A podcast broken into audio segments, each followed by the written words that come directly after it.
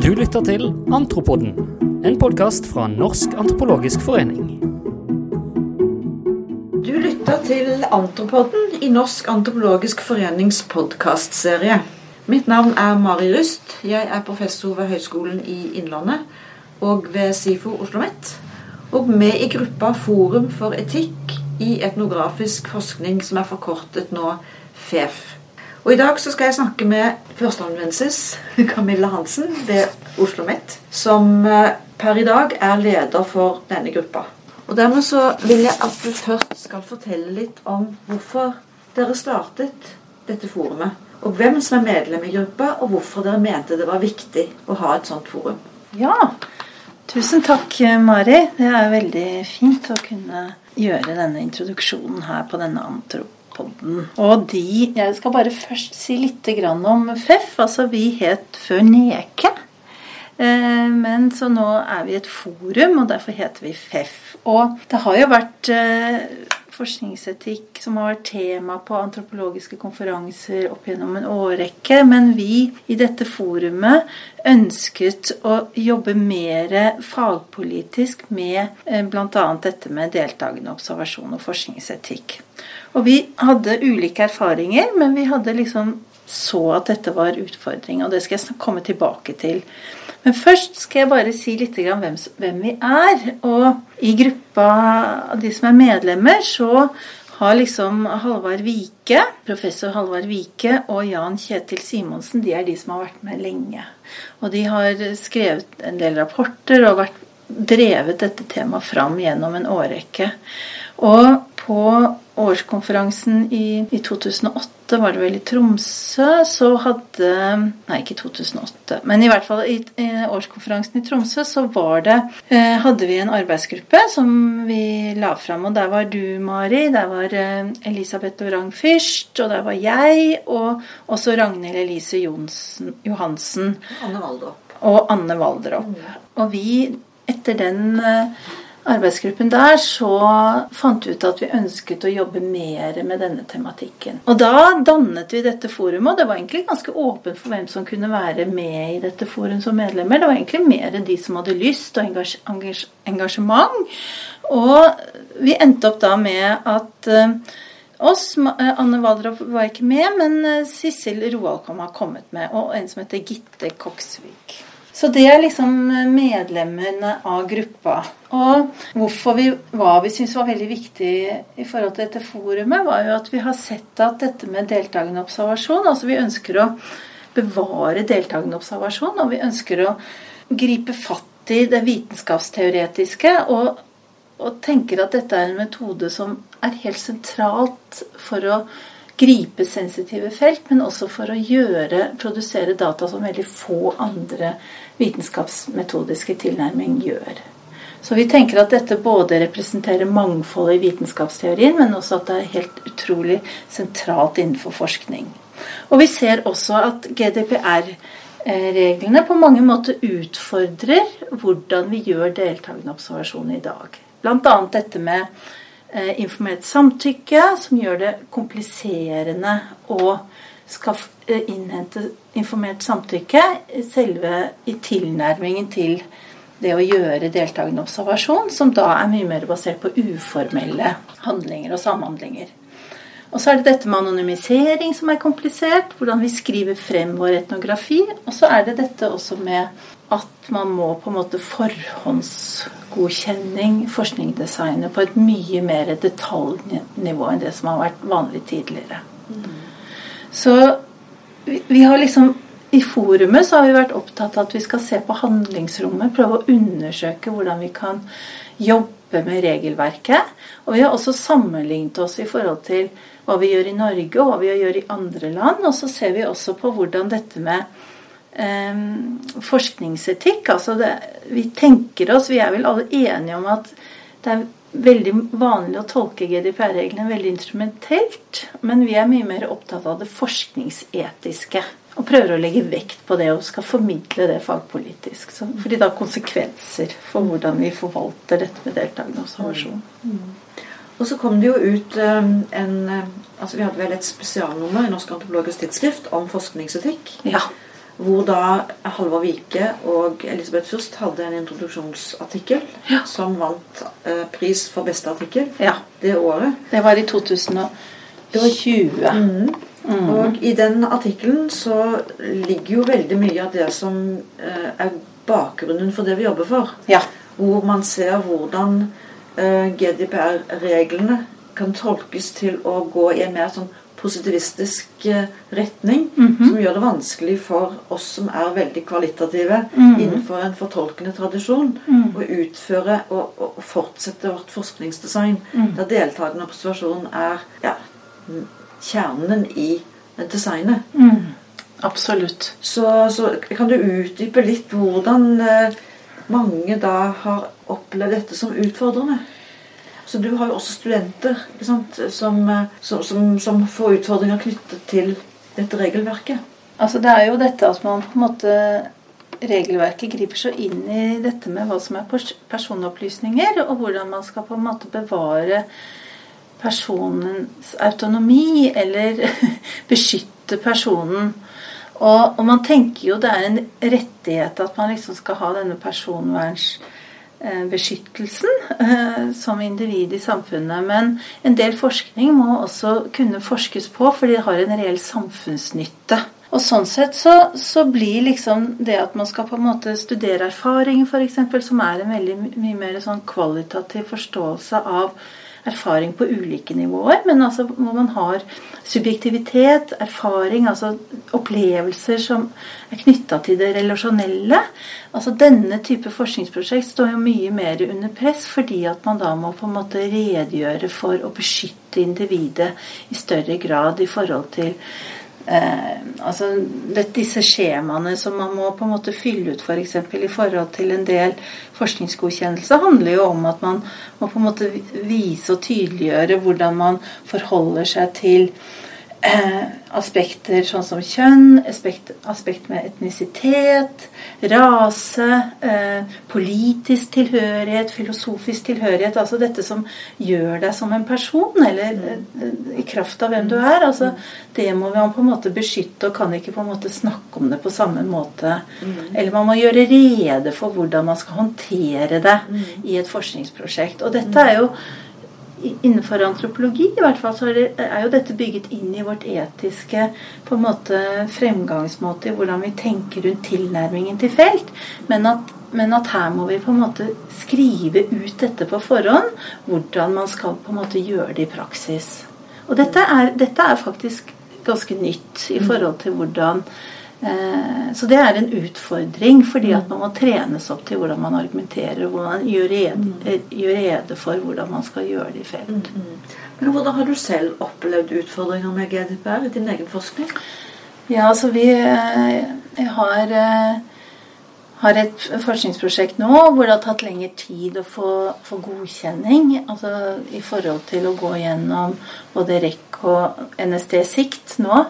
Eh, Men også dette at dette er på sykehus, hvordan personvernombud på sykehus også griper inn. Så det er veldig mange, mange godkjenninger som må til, og det er ulike tolkninger. Og dette med, med deltakende observasjon, er, i hvert fall innenfor helsefeltet, så er det ganske utfordrende fordi at eh, alle som deltar, er krav om Det er ulike lover. Det er for første hel, altså, som er en del av helsepersonellsloven. Men det er også dette med at man, at man eh, har taushetsplikt, og dermed må man også beskytte individene. Sånn at man kan Alle må ha godkjenning, informert samtykke. Og da eh, fratar man jo dette med uformell samhandling. Og det bare når man hører liksom ordet deltakende observasjon i forhold til å skal ha tillatelse, så må man ofte skrive veldig mye om hvordan dette skal gjøres i praksis. Så det, det krever mer. Og det krever også at man går inn i det juridiske, eh, og også at, juri, at man møter eh, Kanskje møter mennesker, eh, rådgivere, som på en måte ikke har så mye kunnskap om deltakende observasjon, sånn at man man, man, må argumentere mye mer, både skriftlig og muntlig. Og der har, har du merket en endring. Ja. Mm. Mm. Eh, og selv om prosjektet på en måte ikke er opptatt av personopplysninger, men opptatt av kanskje sånn som det vi skulle gjøre i dette prosjektet, var jo å se på språk og språkkunnskap knyttet til et tolkeprosjekt i et helseprosjekt, som egentlig ikke handlet om personer som sådan, men mer hvordan man forstår av det helsebudskapet mm. som man prøver å formidle i et kurs som handler om eh, helsekommunikasjon og, og, informasjon etter et hjerteinfarkt. Der fikk vi liksom veldig Der grep det veldig inn i hvordan vi kunne gjøre, og, og prøvde på en måte Vi måtte argumentere veldig hardt for hvordan vi kunne gjøre. Og hadde ikke vi hatt gode samarbeidspartnere som er tillitsfulle i forhold til hvordan vi hadde gjort det der, så hadde vi nok kanskje ikke fått kjenning for å kunne gjøre det. Mm. Men på sykehuset generelt så er det dette med at man kan få uventede personer inn på Altså Man får ikke gjort det på avdelinger fordi at, det, at man kan høre ting som de sier i, sidese, eh, i, sidesengen, eller man kan få andre personer som kommer inn i situasjonen som man ikke får samtykke fra, og dermed er det problematisk, eller man må søke unntak for å gjøre det på, på, på, sykehus. For det er veldig vanskelig å få gjennomført det. Mm. Sånn som jeg, altså Hvis man skal ha en helt sånn mm. Gjøre det, gjør det deltakende observasjon etter etter sånn som man har lært det. Da. Ja, nettopp. nettopp. Ja. Man gjør tilpasninger, da. Mm. Men også da eh, retningslinjer i FEF, som jeg vet dere holder på å jobbe med nå. Ja. Hva er det viktigste der, vil du si? Å få fremmet og jobbe videre med nå framover? Altså Det som jeg tenker er viktig med retningslinjene, er at hvis man synliggjører at faget og at deltakende observasjon er forankret i en, hvordan det er forankret i en etisk tenkemåte handlingsmåte, så tenker jeg man har mye mer at man har en mulighet til å argumentere frem fagets forskningsetikk eh, og deltakende observasjon som vitenskapsteoretisk metode. Og det er også mulig, tenker jeg, at man kan se på da eh, og sammenligne seg med forskning som får unntak, og forskning som på også eh, får også unntak for taushetsplikten, f.eks. Altså man kan bruke paragrafer innenfor GDPR hvor man kan søke om unntak, slik at man faktisk får mye mer friere eh, mulighet til å utføre deltakende observasjon, slik som premissene egentlig skal være. Og den, noe av de premissene er jo denne åpenheten som man har i til hvordan man går inn i feltet. Altså det at man stiller ikke alle spørsmål på forhånd. Man undersøker hva som er der, man prøver å bygge tillit, man er opptatt av relasjoner. Altså at man kan gå inn i feltet på det som er liksom helt sånn sentralt i begynnelsen. Mm, med et åpent blikk. Åpent blikk. Mm, mm. Og det, det i, noen, I noen sammenhenger er dette helt sentralt for å få data som er på en måte ny kunnskap. Mm. og, og, kan bidra med å utvikle eller bidra med kunnskap som, som, på en måte kan stille noen nye spørsmål. Mm. Mm. Hvordan har dere merket eh, responsen ut i miljøet på, på FF og det arbeidet som gjøres? Jeg tror, um, jeg tror vi har uh, vi har invitert flere inn i gruppa vår i forum for å ha diskusjoner.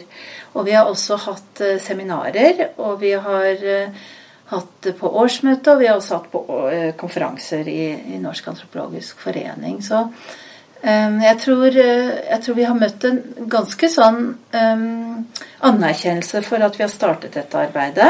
Jeg tror veldig mange kjenner seg uh, og ønsker at uh, dette er et viktig arbeid å jobbe fagpolitisk med. Men det er også Vi er jo opptatt av å undersøke handlingsrommet, men det er ikke alle som mener at GDPR er like stor utfordring som det kanskje vi har eh, som har kommet fram i dette tids... Eh, eh, altså det temanummeret vi hadde om forskningsetikk. Som, som, og noe av det vi også har skrevet, skrevet, har jo vært også at det er at vi er ganske sånn setter fingeren på veldig det kritiske punktet, og at det kanskje er mer handlingsrom, eller at man må bygge mer tillit til de instanser som på en måte eh, er portvoktene, da. Mm. Eh, og så er det ulike felt. altså Helsefeltet er kanskje et tverrfaglig helsefelt er mer komplisert. Og det er litt ulikt hvordan man er i forhold til rent samfunns, samfunns- og humaniora forskningsfelt. Mm. Men, eh, Men alle må jo Dette er jo et system alle må underlegge seg inn og innordne seg med. Sånn at det er jo det er ikke så store forskjeller allikevel. Nei, vi må, jo, vi må jo gjøre oss kjent med det. Og, Ja. og, og jeg, sånn som jeg opplever det, så er jo mye av, utfor, mye av det som er viktig i denne gruppa, det er jo nettopp å undersøke handlingsrommet. Ja. Hvilket handlingsrom har vi Ja. for å beskytte Ja. og for å videreføre deltakende observasjon som den fantastisk gode Ja. metodologiske tilnærmingen som det er da, Ja. i spesielt sensitive felt. Ja. Så, så det er jo kjempeviktig arbeid. Veldig viktig arbeid. Og det tror jeg generelt at det er liksom um, At vi synliggjør liksom de feltene hvor det er mer problematisk og mer vanskelig, men desto mer viktig å kunne studere det. Og det er jo det, er- ja, Et eksempel er jo mennesker som ikke kan artikulere seg like godt, og som kanskje ikke er så lett å få informert samtykke fra.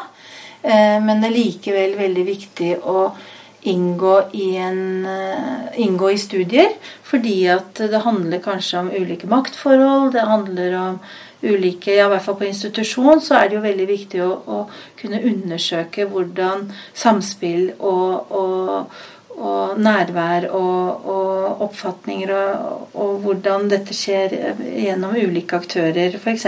På, på sykehjem. Det er jo utrolig viktig å kunne undersøke og forske på hvordan personer som bor der, som ikke like lett kan forvalte sine rettigheter på samme måte At det kommer noen utenfra og ser på sånne prosesser. Det er jo en samfunnsnytte, tenker jeg. Så tenker jeg, Hvis du nå skal si hva som er det viktigste i dette arbeidet, og det viktigste vi står, fram, ut, altså, viktigste vi står overfor nå framover Jeg, jeg tror det viktigste er å kunne eh, få fram en, en Å formidle eh, problemene vi står overfor. Altså hvorfor vi mener og hvorfor vi mener at deltakende observasjon er så viktig vitenskapsteoretisk. Og at hva vi går glipp av hvis ikke vi får laget dette handlingsrommet slik at det er mulig å, å kunne gjennomføre forskning på dette feltet. Det tror jeg er det viktigste. Og, og det er ikke like lett å Det er ikke alle som forstår at det er så problematisk som det vi kanskje tenker oss. At det er, altså deltakende observasjon er under press. Da. Mm, mm, mm.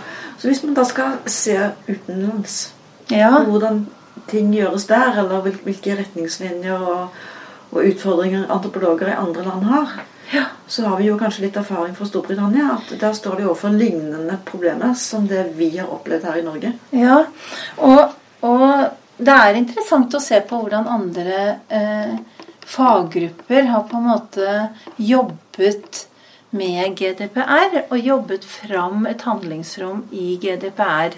Og det er jo eh, altså Sånn som i Norge så er jo journalister og kunstnere og ja, journalistikk altså Det er en del kunstfag og litteratur. altså Det er en del som har fått unntak fra GDPR. ikke sant?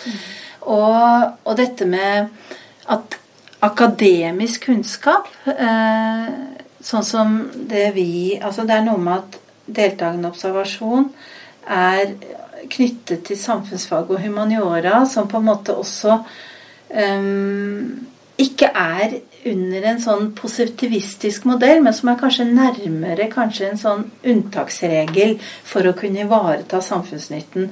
Så det at man på en måte um, ser på hvordan Storbritannia har gjort det, hvor de faktisk har fått gjennomslag for det. altså Da behøver man ikke eh, søke om unntak, fordi at man kan argumentere på det forskningsetiske, hvordan man skal gjennomføre det, og at det er godkjent som en, en at, at akademisk forskning innenfor det kan på en måte eh, være mulig å gjøre. Selvfølgelig må det gjennom forskningsetiske komiteer, men ikke på den grunnlaget som blir styrt av GDPR, sånn som vi ser i Norge.